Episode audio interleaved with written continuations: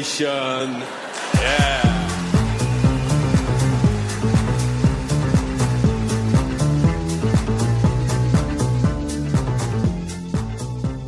Välkomna till Flumskolan, vår skola där hatten alltid ropar Hufflepuff från Galago och Aftonbladet Kultur som spelas in på Kägelbanan här på Södra Teatern i Stockholm.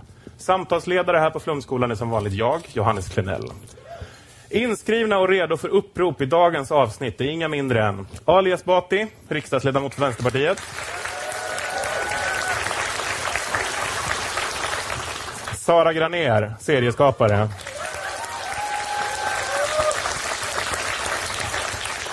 Och Kristoffer Appelqvist, komiker.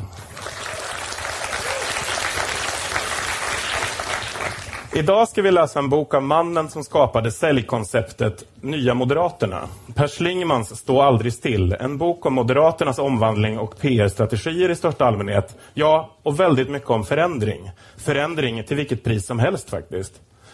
Det här är en bok om att nå ut med sin information. Om det är så viktigt, varför tror ni då att en bok som heter Stå aldrig still! utropstecken har en bild där författaren sitter ner på omslaget? Ali? Ja, jag tror mycket av förklaringen till både det och väldigt mycket annat i boken det är att det, man ska se det lite grann som en offert mer än en, en bok. Alltså någon som liksom presenterar sina tjänster för framtiden. Och då vill man ju liksom hellre ha någon med sådana konciliär kvaliteter, en pose, än att det ska vara någon som någon sån svettig powerkille som står och, och, och gör några yogaövningar på framsidan. Om man nu ska vara en sån där liksom företagssnubbe som ska hyra in så tror jag att det där ändå är en bättre, bättre bild att ha på sin offert än, äh, än något annat. Till exempel. En bild när han springer? Ja, en bild när han springer. Göran Persson han kramar ett träd eller något sånt där. Det, det funkar inte riktigt. Det är det sammanhanget tror jag. Vad tror du Sara? Mm, det kan säkert stämma. Jag har ju också lärt mig i den här boken att svartvita foton signalerar seriositet. Och den här är också svartvit. Vad säger du Kristoffer? Jag tror eh, som Ali att, eh, att det är han, jag tror att det där är, det går säkert att googla sig fram till en exakt likadan bild på Richard Branson.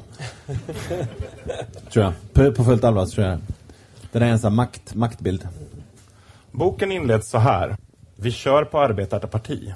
Det ska finnas i allt vi gör. Det blåste snålt. Jag hade precis klivit av bussen hemma i Nacka och skulle gå den korta biten hem. Jag ringde till vår reklambyrå och sa att de skulle lägga allt som inte landade i att vi var Sveriges nya arbetarparti åt sidan.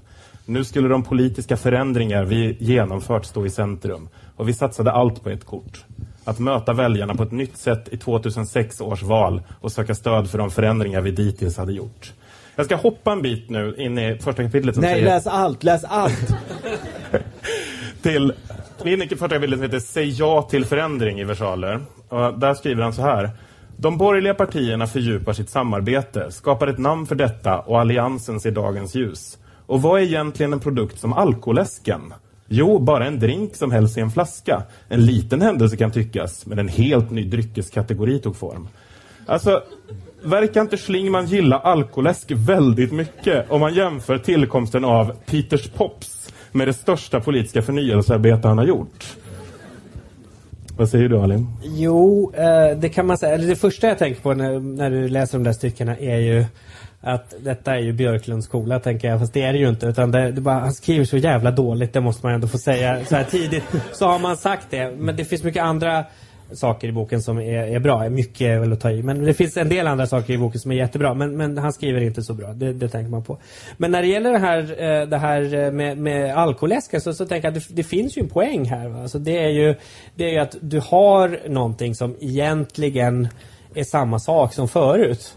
Men så tänker jag så här, jo man ser det så här istället. Om du då är tillräckligt bra, tillräckligt mycket så här, säg ja till Jesus, nu står det ju förändring där.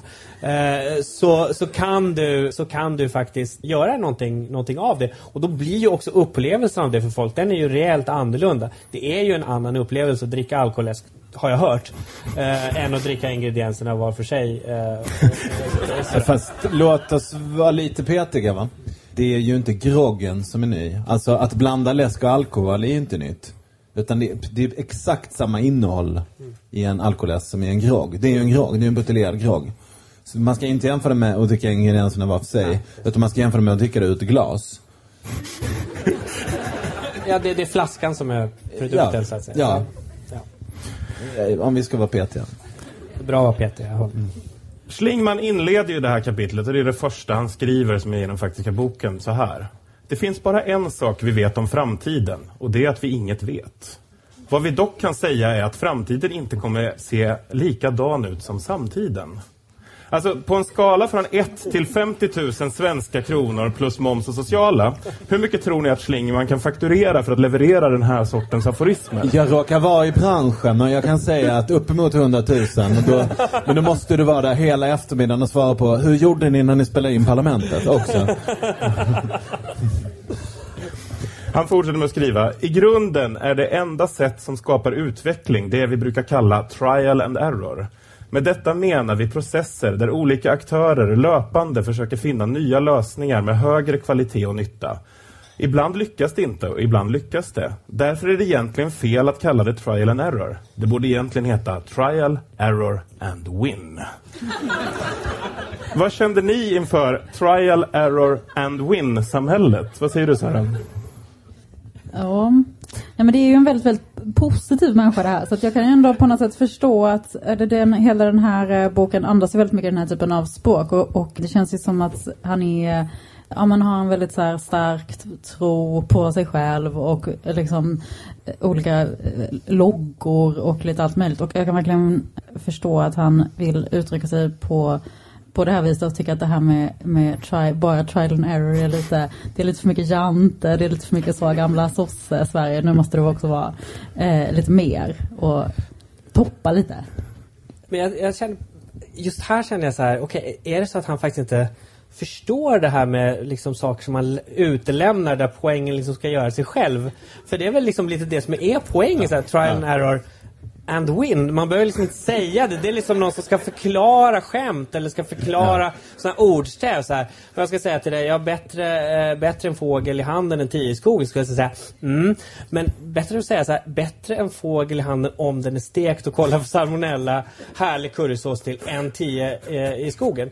Uh, det, det, och, och, det är ju i och för sig sant men det är liksom, man ska liksom fatta det av sig själv. Liksom.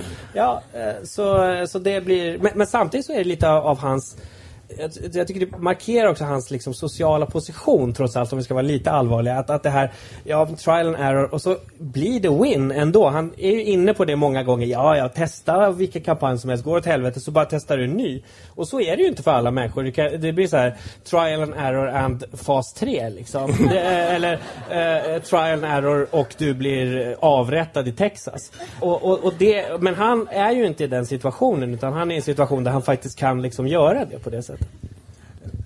Men jag fastnade lite vid alkoläsken. det, är, det som stör mig det är att det är en, ganska, en dålig liknelse. Och det här, det är det som är grejen. Jag, hade behållning av boken. Jag tyckte den var bitvis ganska intressant och sådär, lärorik. Men jag tyckte att alla liknelser var lite kassa, helt enkelt. Att jag liksom inte, att det var bara som en 70, du vet så här, och, som man säger så här, åh, stor som en häst. Så här, ja, det är ganska stort, men det är inte som en elefant, som är vanliga referenser.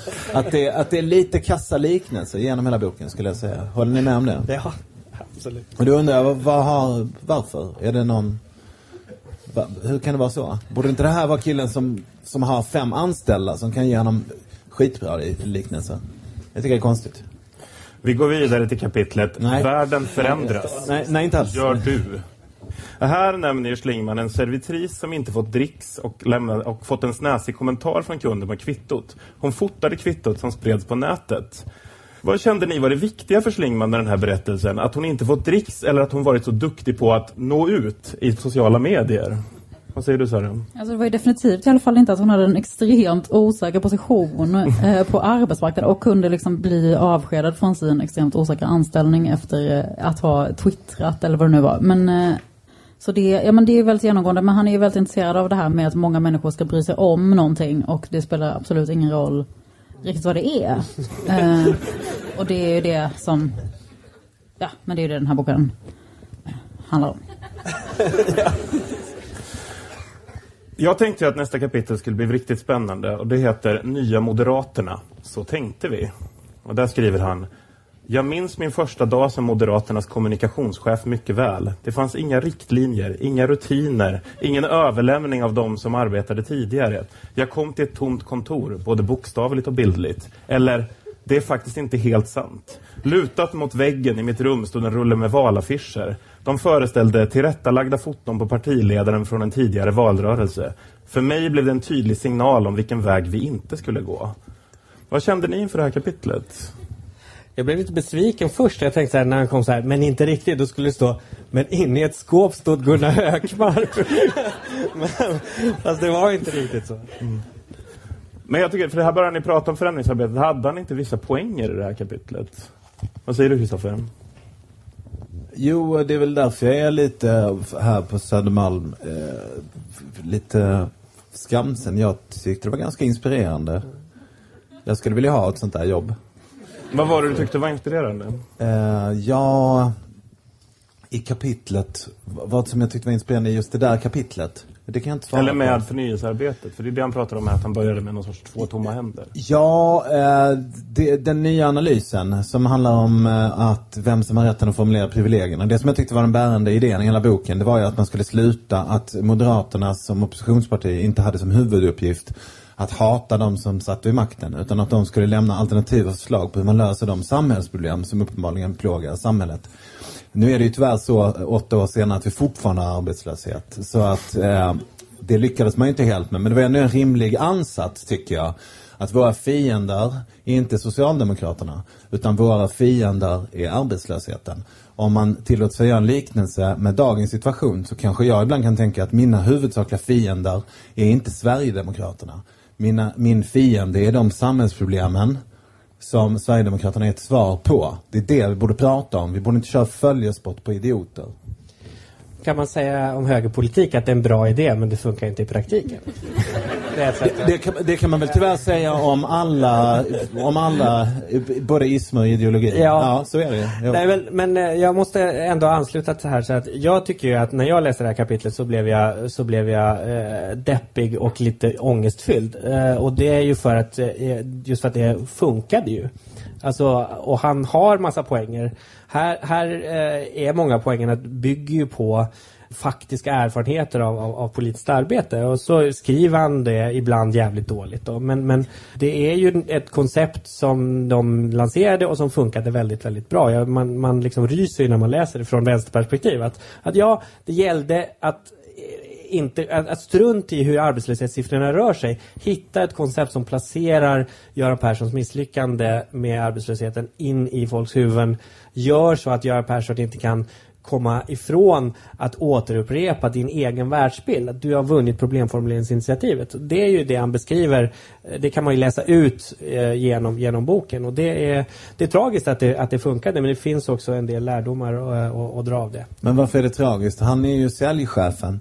Han, det är ju hans jobb att sälja Sälja ja, ja jag, säger, jag, säger det från ett politiskt perspektiv just för att det, det, gick som det gick och det kunde man på ett sätt eh, kan jag tycka att man, man kunde liksom listat ut det redan i, i förväg att det skulle, att det skulle göra det. Men, men, eh, men det, är, det är helt klart att det finns en, en politisk förståelse här också. Det är ett politiskt projekt som de, som de sålde in och det, och det är ju inte så att han bara var säljchef heller utan, utan han har ju det där, den där politiken inne i ådrorna. Alltså han vill det där med samhället. Jo men där vill jag nog flika in att det, det kan nog stämma. Det tycker nog han själv också. För han skriver så här. Utifrån vår analys formulerades en första kommunikativ strategi. Jag funderade länge på hur jag skulle utforma den så att den inte skulle bli en hyllvärmare. Till slut skrev jag den som tio budord. Men partistyrelsen konstaterade att det är lite känsligt med kristna referenser. Det döptes därför om till ledord. Alltså, vad säger det om en person att han måste brottas ner av moderata partistyrelsen när han vill skriva tio moderaternas bud, Sara? Ja, nej men det är den här, jag, jag tror ändå att det är den här peppade människan liksom.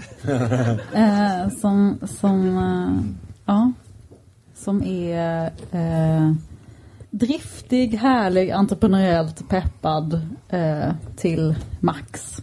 Men Händer också lite utav en gud, tror jag. Vi kommer faktiskt till det. Eh, Han har ju valt i alla fall, alltså han kunde ha valt många olika kristna referenser om det, om det var det. Han kunde ha valt liksom Jobs bok eller Det går åt helvete och så bara gör det det. Eller bara, Det finns inget eller bara andra testamentet. Ja, nya eller så, testamentet. ja, beskriva Moderaterna som liksom Sodom och Gomorra eller så. Det, Han valde ju ändå något som liksom Men du som har erfarenhet från ett annat parti, händer det här ofta i Vänsterpartiet? Att man måste stoppa folk från att uppleva att de är Gud. Eh, det kan inte jag svara på för att eh, partiet har sagt att det är förbjudet. Eh, jag, jag reagerade på en grej till här och det var när han skriver Under förnyelsearbetet kommer vi att arbeta med att uttrycka oss i koncept. Det mest kända torde vara Sveriges nya arbetarparti och Nya Moderaterna. Men det första vi introducerade var Vi älskar Sverige. Betyder det här alltså att mannen som anses vara landets största politiska PR-proffs inledde sin karriär med att skriva typ Heja Sverige? Ja. Ja, för att det, det där går ju att raljera med. Jag menar, eh, det, men det finns ju många som har prövat så här, eh, det här, kommer ni ihåg det här, det här är Lennart. Det var ju några andra som prövade, det gick inte så jävla bra. Men det, Jo, men det är ganska bra. det ligger, var det du som gjorde det? Nej, men eh, det var mina killar. Okej, Okej, ja. Uh, ja, okej. Eh, men uh, men eh, uh, det kommer jag liksom av med här. Men jo, det är också någonting politiskt i det. För, för jag tror att i den, det var en riktig instinkt. Alltså vad skulle man göra som moderat parti för att bli ett annat parti? Jo, man inser att Socialdemokraterna till exempel har genom välfärdsbygget kunnat skapa en identifikation med Sverige. Vad vill vi vara? Vi vill vara det här Sverige.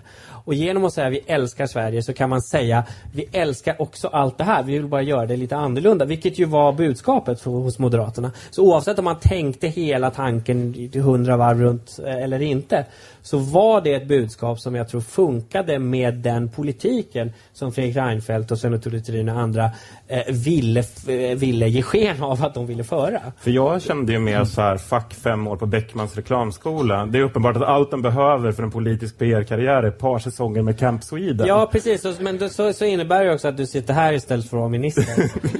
Men eh, på, vadå, på fullt allvar, det där handlar väl om att säga vi är inte revolutionära. Det är inte så att om vi kommer till makten så kommer vi att och stänga alla dagis och alla bibliotek och sådär. Utan vi vill bara ratta lite så det blir Bara de i bättre. Tensta Rinkeby. Ja, men det är väl, så uppfattar jag det. Och det, är väl en, det var väl en rimlig bedömning. Det verkar ju funka ju. Nästa kapitel heter Macbooken är den nya elgitarren. Här snackar Schlingman musik och är nere med både Gangnam Style, Sofia Tallvik, Rebecca Black och Thomas Ledin. Vi går vidare till nästa kapitel. Eh, Det är en gammal människa. Och kom igen. nästa kapitel heter Ingenting är heligt. Jag tycker inte att man, jag tycker inte att man ska begå ett, det är väl inte, det är väl inte ohederligt av honom att tycka om Thomas Ledin? Det Nej, får väl vara okej? Men känner du att du har några känslor inför det? Nej, men men han är lite som min pappa, tänker jag. I kapitlet Ingen, Ingenting är heligt beskriver Schlingman hur man måste vara beredd på att lämna det gamla bakom sig för att skapa förändring. Jag reagerade lite på det här. För den som vill bli nykter alkoholist handlar det inte bara om att korrigera ett beteende. Det handlar om att ompröva hela sitt sätt att leva. Kanske har vi ett behov av anonyma organisationer för alla de som har ett behov av riktig omprövning men som bara försöker att korrigera. Ett tolvstegsprogram för förnyare skulle kunna se ut så här. Alltså, är det riktigt rimligt att jämföra förnyelse inom ett företag med sjukdomen alkoholism? Ja, absolut. Hur då? Nej men, ja, jag hade nytta av den här bilden måste jag säga. Nej, det är inte rimligt att jämföra, det är inte rimligt att jämföra det går knackigt på jobbet med Bosse håller på att kröka ihjäl sig. Det är inte lika tragiskt eller lika viktigt. Men man kan ju ändå lära sig av eh, bilden. Jag tyckte det var en rimlig Det tycker jag var den bästa liknelsen. Nej, det är just det jag säger. Han är usel på att välja sina liknelser, men det betyder inte att det är dumt. Det betyder bara att han inte är någon stor retoriker, vilket ja, var, väl inte, var väl inte det han ville berätta med boken, det fattar jag också, men Vi går vidare i kapitlet Motkrafterna. Här fortsätter Schlingman diskutera vad som kan förhindra förändringen på ett företag. Han skriver så här. Att genomföra en förnyelseprocess kan liknas vid att hamna mitt i en brand. Återigen, de fantastiska liknelserna. Man tänder eld på det som ska förändras. Och för att komma ur elden måste man ta sig från eldens centrum via rök och faror till friheten och förnyelsen. Mitt råd är, tänd elden men var medveten om hettan. Ja, men men vad, vad är det för...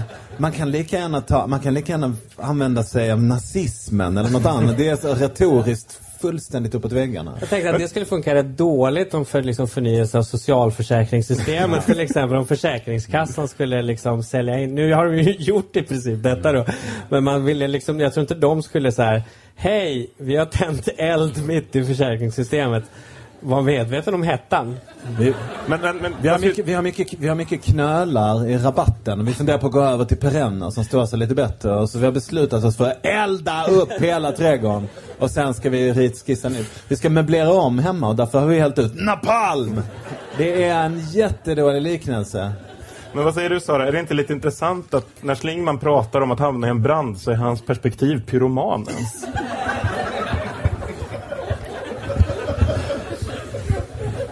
Jo. det är ju lite intressant. Men jag försökte förstå vad han menar med det där. Det, det kommer ett citat sen som är så här. Företaget Ericsson hade ett bra mantra kring detta som de använde internt under den stora omvandlingen som skedde under 2000-talet då företaget kraftigt minskade antalet medarbetare. What brought us here will not keep us here var deras mantra. Och då, då undrar jag liksom så här, vad, vad säger du att, att han lyfter fram liksom avskedningar och en icke-sentimental företagspolicy som ett föredöme här? Ja men, Du är så frustrerad liksom.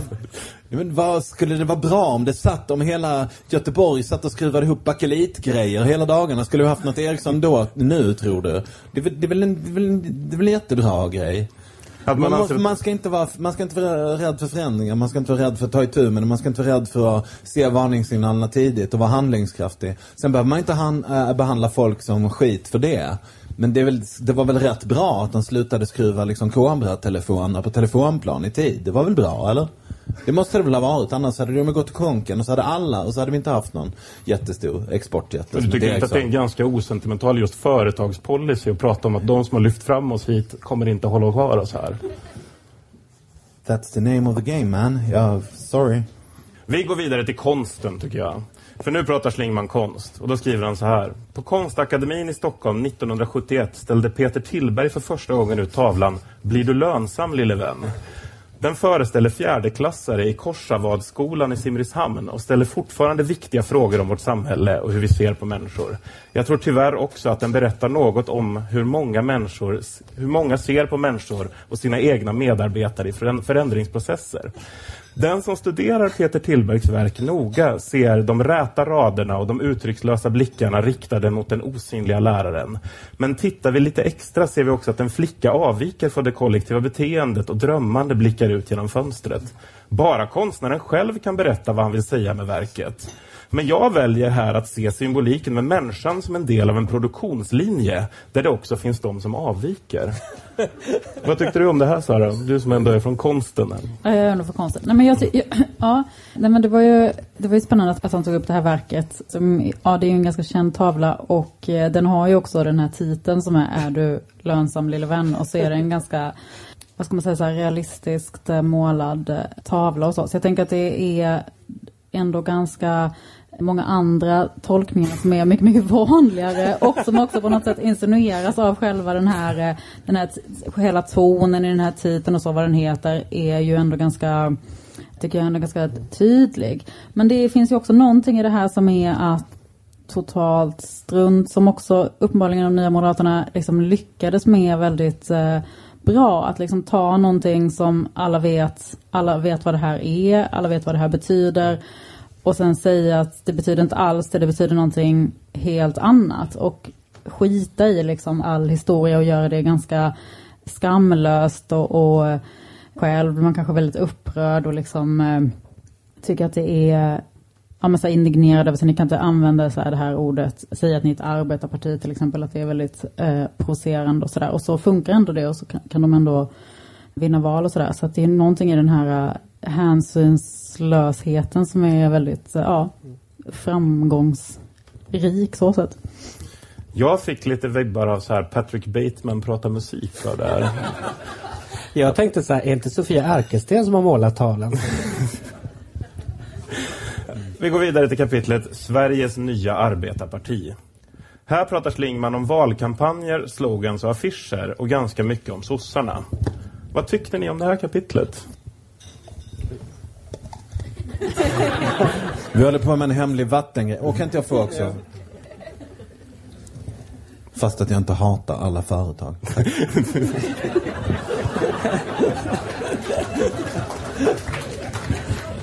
Alla ska med.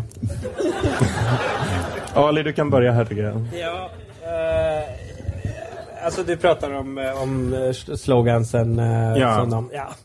Eh, jo, alltså det, det är ju där han eh, igen då är, är inne på någonting som är väldigt eh, eh som funkade väldigt bra. Alltså han, han har, eh, där är liksom kontentan av en massa politisk erfarenhet som, som, han, som han har. Och han näm- det, det här till exempel som han nämnde det här med att Göran Persson blev tvungen genom vårt sätt att beskriva arbetslöshetsstatistiken som han då inte nämner var, var helt märklig. Eh, men ändå, Göran Persson blev tvungen att upprepa en del saker.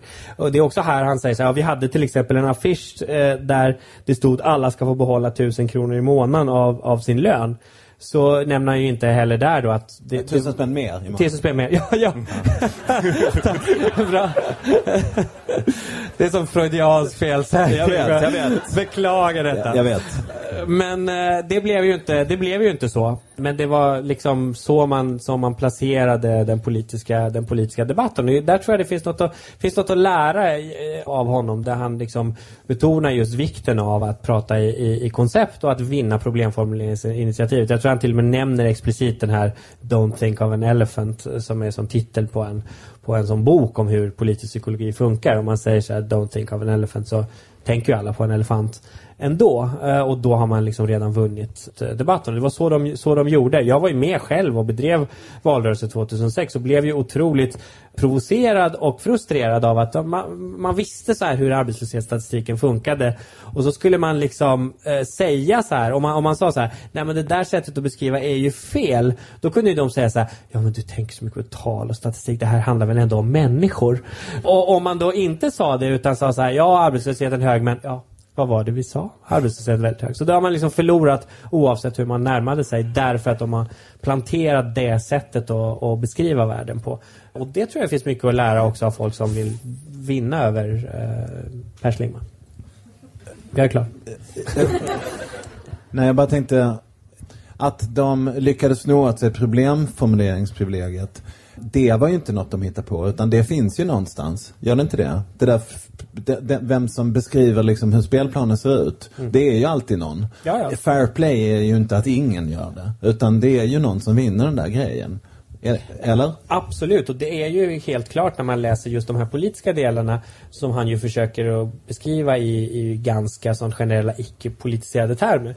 Det är ju ändå det, en berättelse också om socialdemokratins och vänsterns misslyckande åren innan valet 2006 av att, av att ha, vi saknade en en egen berättelse om vad vi vill ska hända med, med samhället i framtiden. De hade en sån, en sån berättelse och den, den slog ut Göran Perssons förutsägelse till exempel att arbetslösheten kommer att eh, vara på väg neråt. Det, det spelade ingen roll att arbetslösheten faktiskt var på väg neråt därför att folk upplevde att det fanns inte svar på framtidens frågor. Här är i alla fall några som ställer de frågorna. Så det, där är helt klart, det är bara att ge det till dem att de, de lyckades med det. Och sen eh, gick det ju rätt mycket åt helvete. Men det är en liten lektion i hur man snor problemformuleringsprivilegiet. Och den lektionen skulle, tycker jag att det finns eh, ett gäng nu aktiva politiker som borde ta till sig av och använda med, med klokskap. Innan vi går vidare från det kapitlet så har jag en grej här och det är att det här är det närmsta Schlingman kommer att prata någon sorts ideologisk politik i boken. Hur tycker ni det går? Vad säger du Sara? Ja, jag var ju lite besviken på att det var så pass, så pass lite av um, det är väldigt mycket så här, vi, man måste förändra ett företag, man måste förändra Moderaterna, man måste, du måste förändra dig själv. Det är mycket. Men, men det, är- det är väldigt lite så här, varför, i vilken riktning och sådär. Så det var jag nog fort, fortsatt lite, lite besviken på hur, eh, ja, själva, själva det slags stoffet så kan man säga. Vi går vidare till kapitlet att göra är att kommunicera. Här upprepar Schlingman ganska mycket av det han redan sagt. Jag hade ganska svårt att känna någonting alls inför det här, så vi går vidare till kapitlet Lärdomar av Moderaternas förnyelse. Här kommer Schlingman med ett av sina mer ärliga ögonblick enligt mig när han skriver En fråga som jag ofta fått och som jag själv funderat mycket på är om Moderaternas förnyelse var ett planerat projekt. Nu kan jag direkt ge svaret på frågan. Nej. Är inte det ganska typiskt för svensk politik? Vi har liksom inte några sådana här House of Cards-spindoktorer som vet precis vad de håller på med, utan alla famlar väl liksom lite i mörkret på det sättet. Vad säger du, Annie? Nej, jag, jag läste det nog inte riktigt så utan jag, jag tyckte att det där eh, dels var, var, var nog sanningsenligt men, men också visade på en styrka i en del av de sakerna som de utvecklade. Därför han har ju då sagt att, att det, gäller, det är viktigt att utveckla koncept och förhålla sig till, till dem. Eh, och, få, eh, och han pratar jättemycket om ledarskap och den starka ledaren. Det är lite så ibland nästan lite obehagligt. Men, men, men i alla fall liksom banka in de där koncepten. Och det är så man gör. Det är så man kan göra. Man kan inte ha en exakt plan för hur allting ska funka. Men däremot kan man ha en stark idé om vart man är på väg och ett, Ett antal verktyg. Ja, ett antal verktyg för att hantera saker som dyker upp. Och det gör de. Så, så där, där läser jag att det, det, för mig om jag nu ska fortsätta läsa det här som en offert snarare än en, en bok så, så, tyck, så skulle jag tycka så här som, som företagsledare att eh, det var, jag vill hellre ha den här liksom guruaktiga killen eh, än någon som bara säger att jag hade en plan och så blev det precis så. Så är det helt uppenbart att han ljuger. Jag hoppar några kapitel nu och går till kapitlet Från storytelling till storybuilding. här skriver Schlingman om sitt eget PR-företag han drev innan tiden med Moderaterna. Och det här var ett av texterna jag fastnade för. Här. Istället för titeln receptionist fick hon titeln Director of First Impression med en Också- egen budget för blommor, konstinköp och inköp till köket. Detta byggde historien om oss och många pratade om detta. Ett annat exempel på storybuilding var att vi under en period hade två levande stora spindlar Nej. i terrarier i våra lokaler. Många blev förskräckta, men alla pratade om det efteråt. Och Alltså, ingen tyckte det var töntigt. Alla tyckte det var jättefräckt. Vet vi. Alltså, jättespindlar har tagit ett senare skede, men det Men här vadå, var... förlåt, kan vi bara sätta, kan vi, kan vi, vad är en jättespindel? Säg stopp. Jag gissar där. Nej, det är, det är det inte. Det här är en vanlig spindel, en sån som, en sån som Jonas har med sig till Malou. Det, det, det här är en jättespindel. Om man, om man ska ha liksom, eh, om man ska vara en spindoktor som är, eh, eh, har liksom rykte av en galen professor, då ska den spindeln vara stor som en hund. Och, och den ska kunna hugga. Det här är inte, det här visar hans medelmåttighet som både tänkare och, äh, äh, det är det. Jag tror inte ens att den var så här. Jag tror att den var så här. Det här är den vassaste snubben. Det här är den coolaste killen i hela deras kompisgäng. Det var så här, "Ja, de är helt crazy. Det är som ett motorcykelgäng. Det är en kille med skinnpaj och hästsvans. Och så är det en kille som har en liten spindel. Så här, eh, det, är, det är inte coolt. Men det här med att sätta ord som manager of eller director of på olika arbetsuppgifter. Är inte det typ det mest förminskande en chef kan göra? Vad säger du Sara? Ja. Eh, men det var ju ändå att hon fick lite nya, det var ju inte exakt att hon bara fick göra samma, samma jobb som hon tidigare fått göra och att de bytte namn på det. Hon fick ju ändå Göra inköp i köket. Hon fick göra inköp i köket, hon fick, eh, måla, hon fick också köpa konst och sätta upp i hallen. Hon fick, eh, hon fick ändå lite mer fria händer. Det finns var säkert ändå- mata spindeln också. Hon fick säkert också. Jag tänkte ändå att det var lite roligare att ha hennes jobb än att ha det ehm, förra jobbet. Men det är inte, jätte, det är inte en jättehärlig titel på sitt yrke. Men det är väldigt mycket det med det här med att man ska hitta på nya eh, det är väl ändå väldigt mycket eh, det som, eh, som de också var bra på. Liksom, att hitta på, det här kanske inte var ett jättebra exempel på det, men det var trial error och det gick inte så jättebra. Men vissa andra exempel har ju liksom ändå gått lite bättre. Som typ att, att så här, man ska associera på ett annat sätt när man istället för att höra så här, eh, eh, ja, klassklyftor så ska man höra så här lönespridning. Så ska man få en association som är lite så att, att det sprids lite blomfrön på en äng som ska gro. och så. Alltså det är ju ändå väldigt mycket eh, i hela det här liksom moderata nyspråket och sånt som är och det här är väl kanske ett annat exempel på det och det är väl mycket sånt som ändå har eh, eh, andra exempel som har ja, gått bra. Jag tänkte direkt på sjunde inseglet. Är, är du döden? Nej, jag är director of last impression.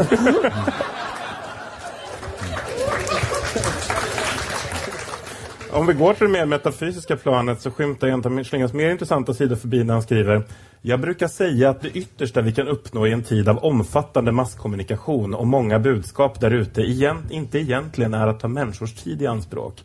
Det är att ta oss in i människans hjärna och plantera en berättelse som skapar perspektiv och leder till att man förändrar sitt sätt att tänka och agera. Det gäller givetvis såväl om man vill vinna val, sälja en ny bil eller grunda en ny religion. Alltså, det, det är som retoriker. Han är eh, lite svag. Ja, men alltså, han har ju redan pratat om att skriva tio nya budord. Tror ni han vill starta en ny religion? Men, ja, jag vet inte om han får betalt för det. Så gissar jag att han kan gå med på det. Tänk dig marknadspotentialen i det liksom. Det är helt enormt. Om man bara hur mycket merch som ska ut. Alltså det, det är ju jätte... Det vore jättekul att starta en ny religion, tror jag han tänker. Jag ska inte blanda Avdragsgillt mycket. Ja, precis.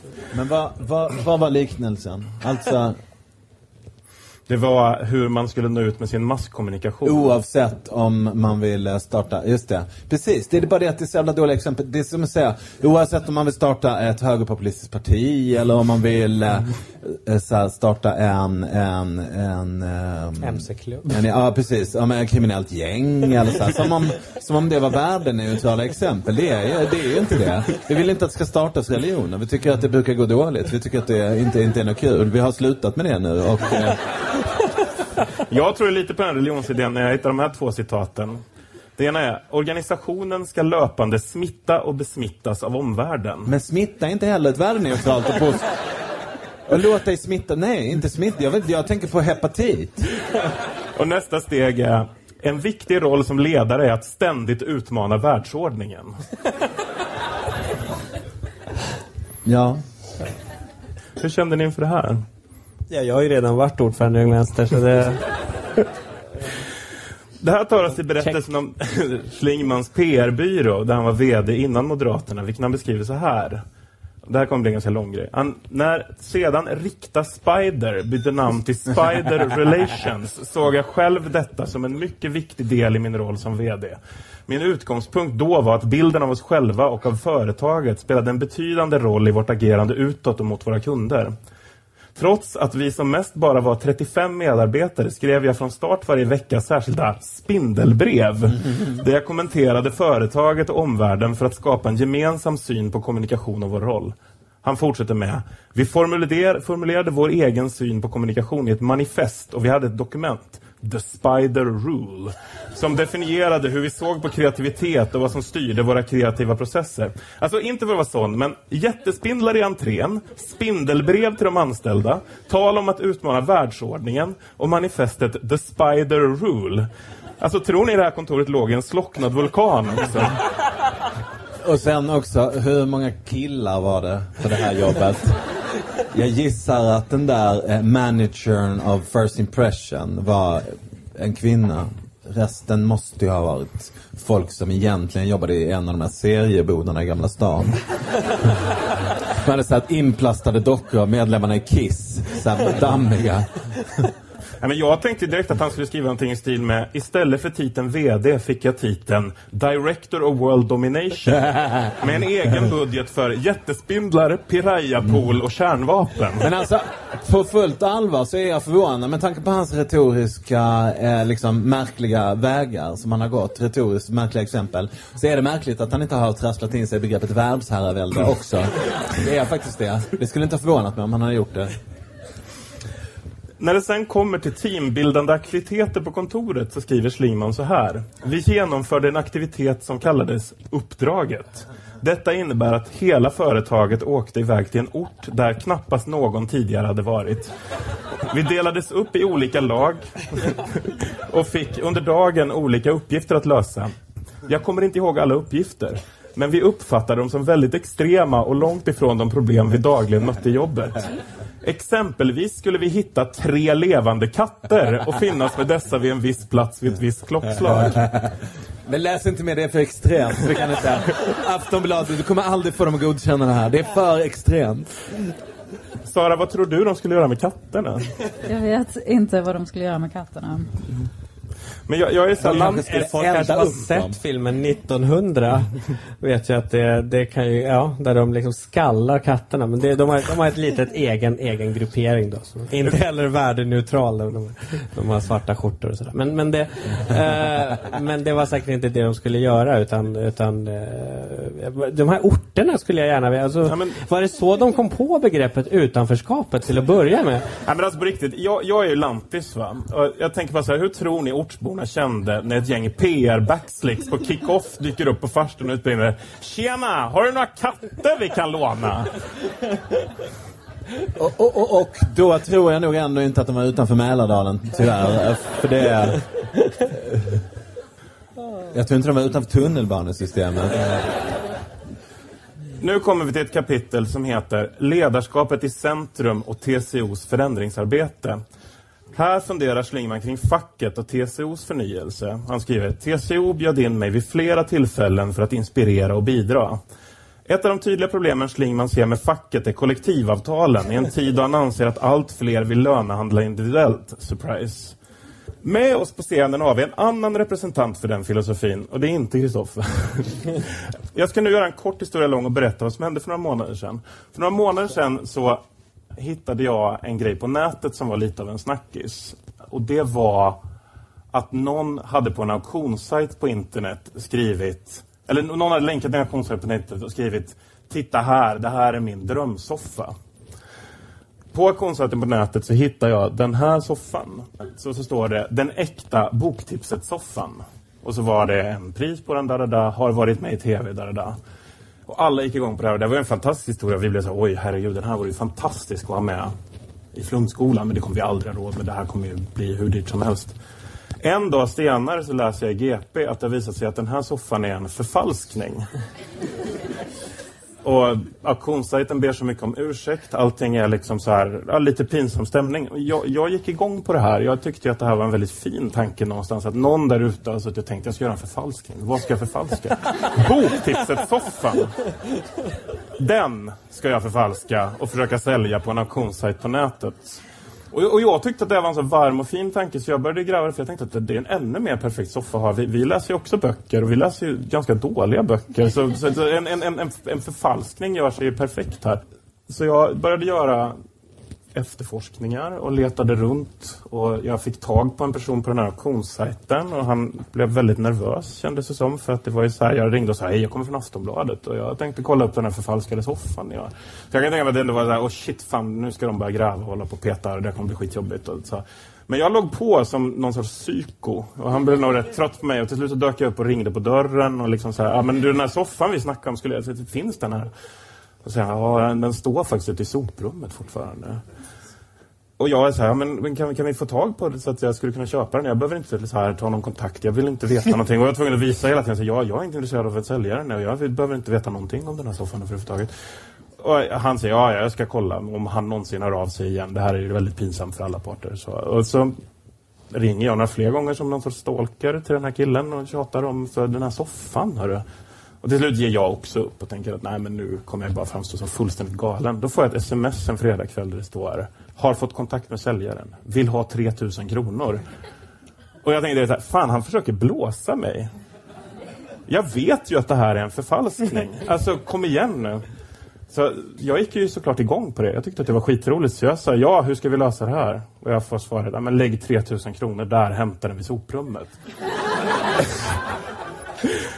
Så vi åker och hämtar den här soffan, jag och min bror. Och eh, vi eh, tar ett foto, lägger ut på Galagos sida. Alla blir jätteglada, tycker att det fortfarande är en väldigt mysig soffa. Såklart, det är en väldigt fin soffa. Och jag känner det det här är perfekt, det här är en så fin historia. Det här, det här är en, en vacker sak. Då får jag ett mail på kvällen från någon som har sett den här, där det står Jag vet vart den där soffan kommer ifrån. Och så är det bara en Youtube-länk under. Så jag klickar på Youtube-länken och kommer in på en reklamfilm som några reklamare har gjort. Där de har gjort en imitation av boktipset. Där det sitter en skön liberal från Almega och berättar varför man inte ska ha kollektivavtal på arbetsplatsen.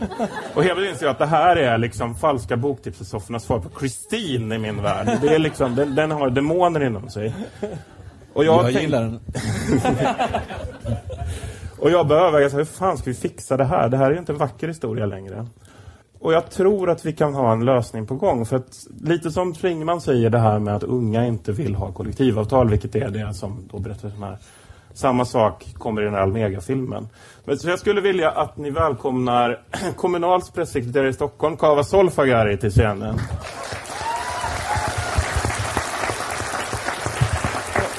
Jag hoppar in här mellan er. Hej hej. Så, tjena. Kava, Ja. Har Schlingman och Almega fel? Eller? Har soffan fel? Varför ska Ehm, unga ha kollektivavtal? Ja, alltså kollektivavtalet är ju det absolut bästa sättet att eh, se till att man får rätt lön, schyssta villkor eh, och tid eh, på arbetsplatsen att spela Pokémon eller vad fan det är ungdomar gör. Liksom. Kommer chefen, ring facket och så sparkar vi chefen. Liksom. Det, det är sånt vi gör. Eh, så att, eh, ja, Schlingman har fel. Absolut. Men varför försöker då Almega och Per Schlingman etablera den här sanningen att just unga människor är så ointresserade av kollektivavtal? Är det så på något sätt? Nej, alltså jag tror det är snarare så att man vill få in en bild av att unga liksom så här, men unga vill inte ha fasta jobb. De vill inte ens ha lön. Och, och, liksom, och så försöker man pränta in det här i folk, tror jag. Och det börjar ju sprida sig, det är det som är problemet. Liksom. Så att, eh, nej, det, det, det, det är en kampanj emot oss, helt enkelt. Då undrar jag... Idealet är väl att de sitter och skruvar ihop eh, såna bakelittelefoner på löpande bandet. Typ. Det skulle vara gött. Hela dagarna, Ja, livet ut. Jag kände i alla fall att efter att ha fått där soffans bakgrund avslöjas för mig att det måste finnas en lösning på det här. Något som har skapat så otroligt mycket glädje och kärlek kan inte vara korrumperat av ondska. Och framförallt tänker jag också att det någonstans är ett ödets ironi att den här soffan har hängt på en reklambyrå. Den har spelat in en reklamfilm mot kollektivavtalet och slutar i soprummet. Va? Så kan Kommunal lösa det här på något sätt, Kava? Kan soffan Det få kan, hjälp? vi, det kan vi. Det är ju det facket är till för. Det är ju när man behöver hjälp. Och eh, det är klart att man inte ska... Eh, om, man, om man har utfört ett arbete, då ska man inte förpassas till soprummet liksom. Så det vi har gjort är att vi har tagit in den här soffan som medlem i Kommunal.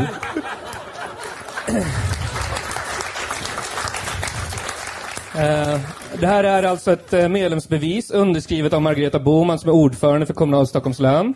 Så. Och eh, vi har ett skyddsombud på väg hit faktiskt, för att det är lite kallt här inne och jag vet inte om soffan är helt okej med det här. Eh, och vi ska faktiskt ta lite löneförhandlingar med dig senare, helt enkelt. Så att eh, vi välkomnar eh, Flumskolans soffa som medlem i Kommunal. Tack så mycket. Tackar.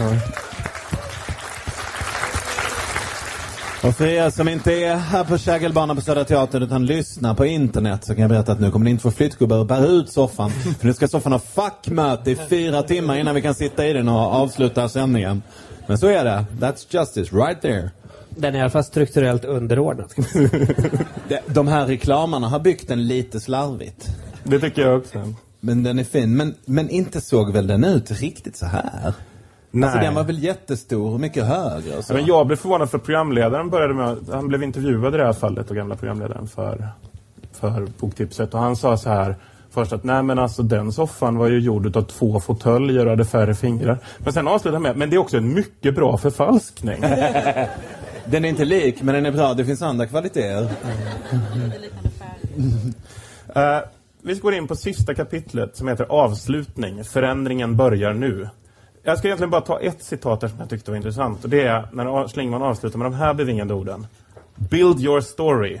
Det är ni själva som bestämmer historien om er själva. Bygg den, berätta den, men framförallt lev den. Alltså, tror ni det var det här Moderaterna tog fasta på när de skrev om historien om deras relation till apartheid? Ja, det är ju liksom eh, slutpunkten på något sätt för eh, man, man börjar i man börjar i någon slags eh, historisk, för, alltså man börjar i någon slags politisk omdaning och så slutar man i total surrealism. Ja, Gunnar Hökmark han satt ju på, i fängelse i Sydafrika för sina, sin politiska tro i 40 år. Ja, Gunnar Hökmark är.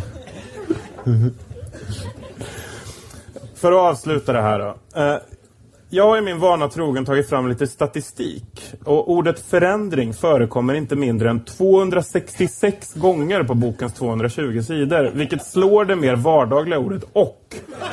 Eh, som skrivs ynka 250 gånger. Jag har ju förstått att i politiken är det viktigt att vara tydlig med sitt budskap. Men kan ett ord sägas så många gånger att det tappar sin betydelse helt och hållet? Vad säger du Sören?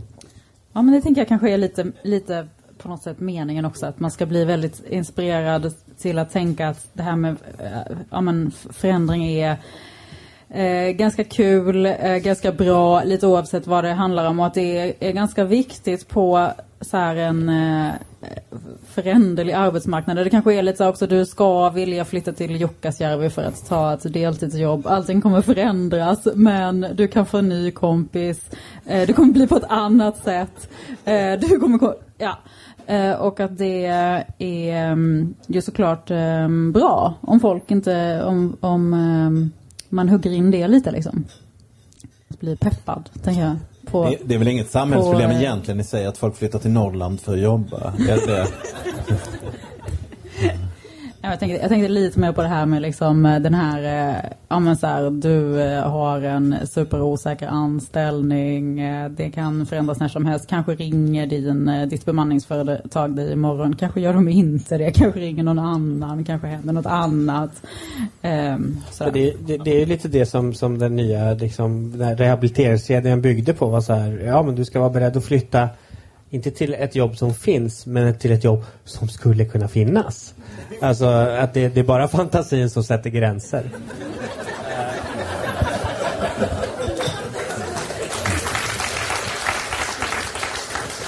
Det ska sägas att ordet kärlek förekommer en gång i hela boken. Uh, och då i det här sammanhanget. För den som vill befinna sig längst fram i trial, error and win-samhället så blir detta extra tydligt. Att vinna respekt och inte kärlek gäller såväl ledarna som individer, men också varumärket.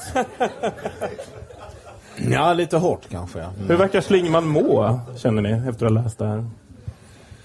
Rätt bra tyvärr. Alltså, jag tror offerten funkar nog ganska bra. Så att, uh, han går nog, det går nog bra för honom, ska du se. Hur kände du, Sara? Jag tror också han mår jätte, jättebra. Det går bra på jobbet, det går bra hemma, det går bra i samhället. För Persling. Hur kände du att han verkar må, Kristoffer? Mm, nej, jag, vet, jag kan inte bedöma hur han mår på, på en, en ynka publikation. Sådär. Jag hoppas att han mår bra och är glad. Eh, Ord, ja. Ordet glädje dyker även det bara upp en enda gång i boken.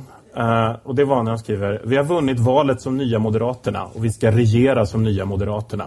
Glädjen exploderade. Värt att nämna är kanske att orden solidaritet, medkänsla och omtanke inte förekommer alls i boken. Votering. Uh, nu har jag en fråga och det är, vem ska egentligen läsa den här boken? Kristoffer? Som sagt, jag på fullt allvar tycker ju att, att det är ett eh, problem att vi, vi bor i ett land som är helt tomt på folk. Vi skojar innan om att folk skulle vara tvungna, eller skulle vara tvungna att acceptera att flytta till Jukkasjärvi för att jobba till exempel. Och jag kommenterade att det händer ju inte. Folk flyttar ifrån Jukkasjärvi för att jobba här. Vi är ett, vi är ett lomt, tomt land. Det bor 20 människor per kvadratkilometer. Det är ett helt tomt land. Vi är i desperat behov av ett folk. Det skulle vara, vi, vi är ett tomt land som skulle behöva lite folk. Eh, vi är också hyfsat inavlade. Vi har ganska tråkigt. Eh, det, det, är för li, är för lite folk för att det ska vara lönt liksom, att bygga ett fungerande eh, in, eh, tågnät ens, liksom, utanför Storstockholm. Eh, och eh, samtidigt finns det 40 miljoner människor som tycker att eh, det är jobbigt att bo där de bor. De skulle behöva komma någonstans. Till och med om alla de här flyktingarna som finns i hela världen, vi tar alla som skulle ha lust att flytta från sina länder de skulle kunna få plats i det här landet utan att det blev ens liksom lagom mycket folk. Det skulle fortfarande vara lite för lite folk. Och ändå så är det någon som tutar i oss med viss framgång att vi har ett problem som är att det är för mycket folk. Eh, och eh, de människorna har just nu problemformuleringsprivilegiet. Och de har tagit det. Jag tror att de har läst boken och därför tror jag att andra människor borde göra det och lära sig av det. Om sen han tycker fel eller om det är töntigt att ha hästsvans eller spindlar i akvarier. Skit i det nu för det handlar om viktiga grejer.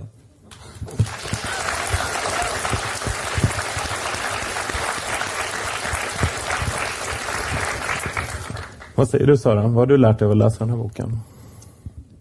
Um, ja men jag håller med om det här uh, uh, som du säger. Jag har också tagit till mig det här med Eh, som jag också tycker på något sätt eh, ja, man, är, man är relevant eller där med så här, skit i att kolla på vad någon annan gör utan så här, eh, kör, eh, kör din grej. Det kan jag tänka mig att vi absolut borde hålla på eh, mer med.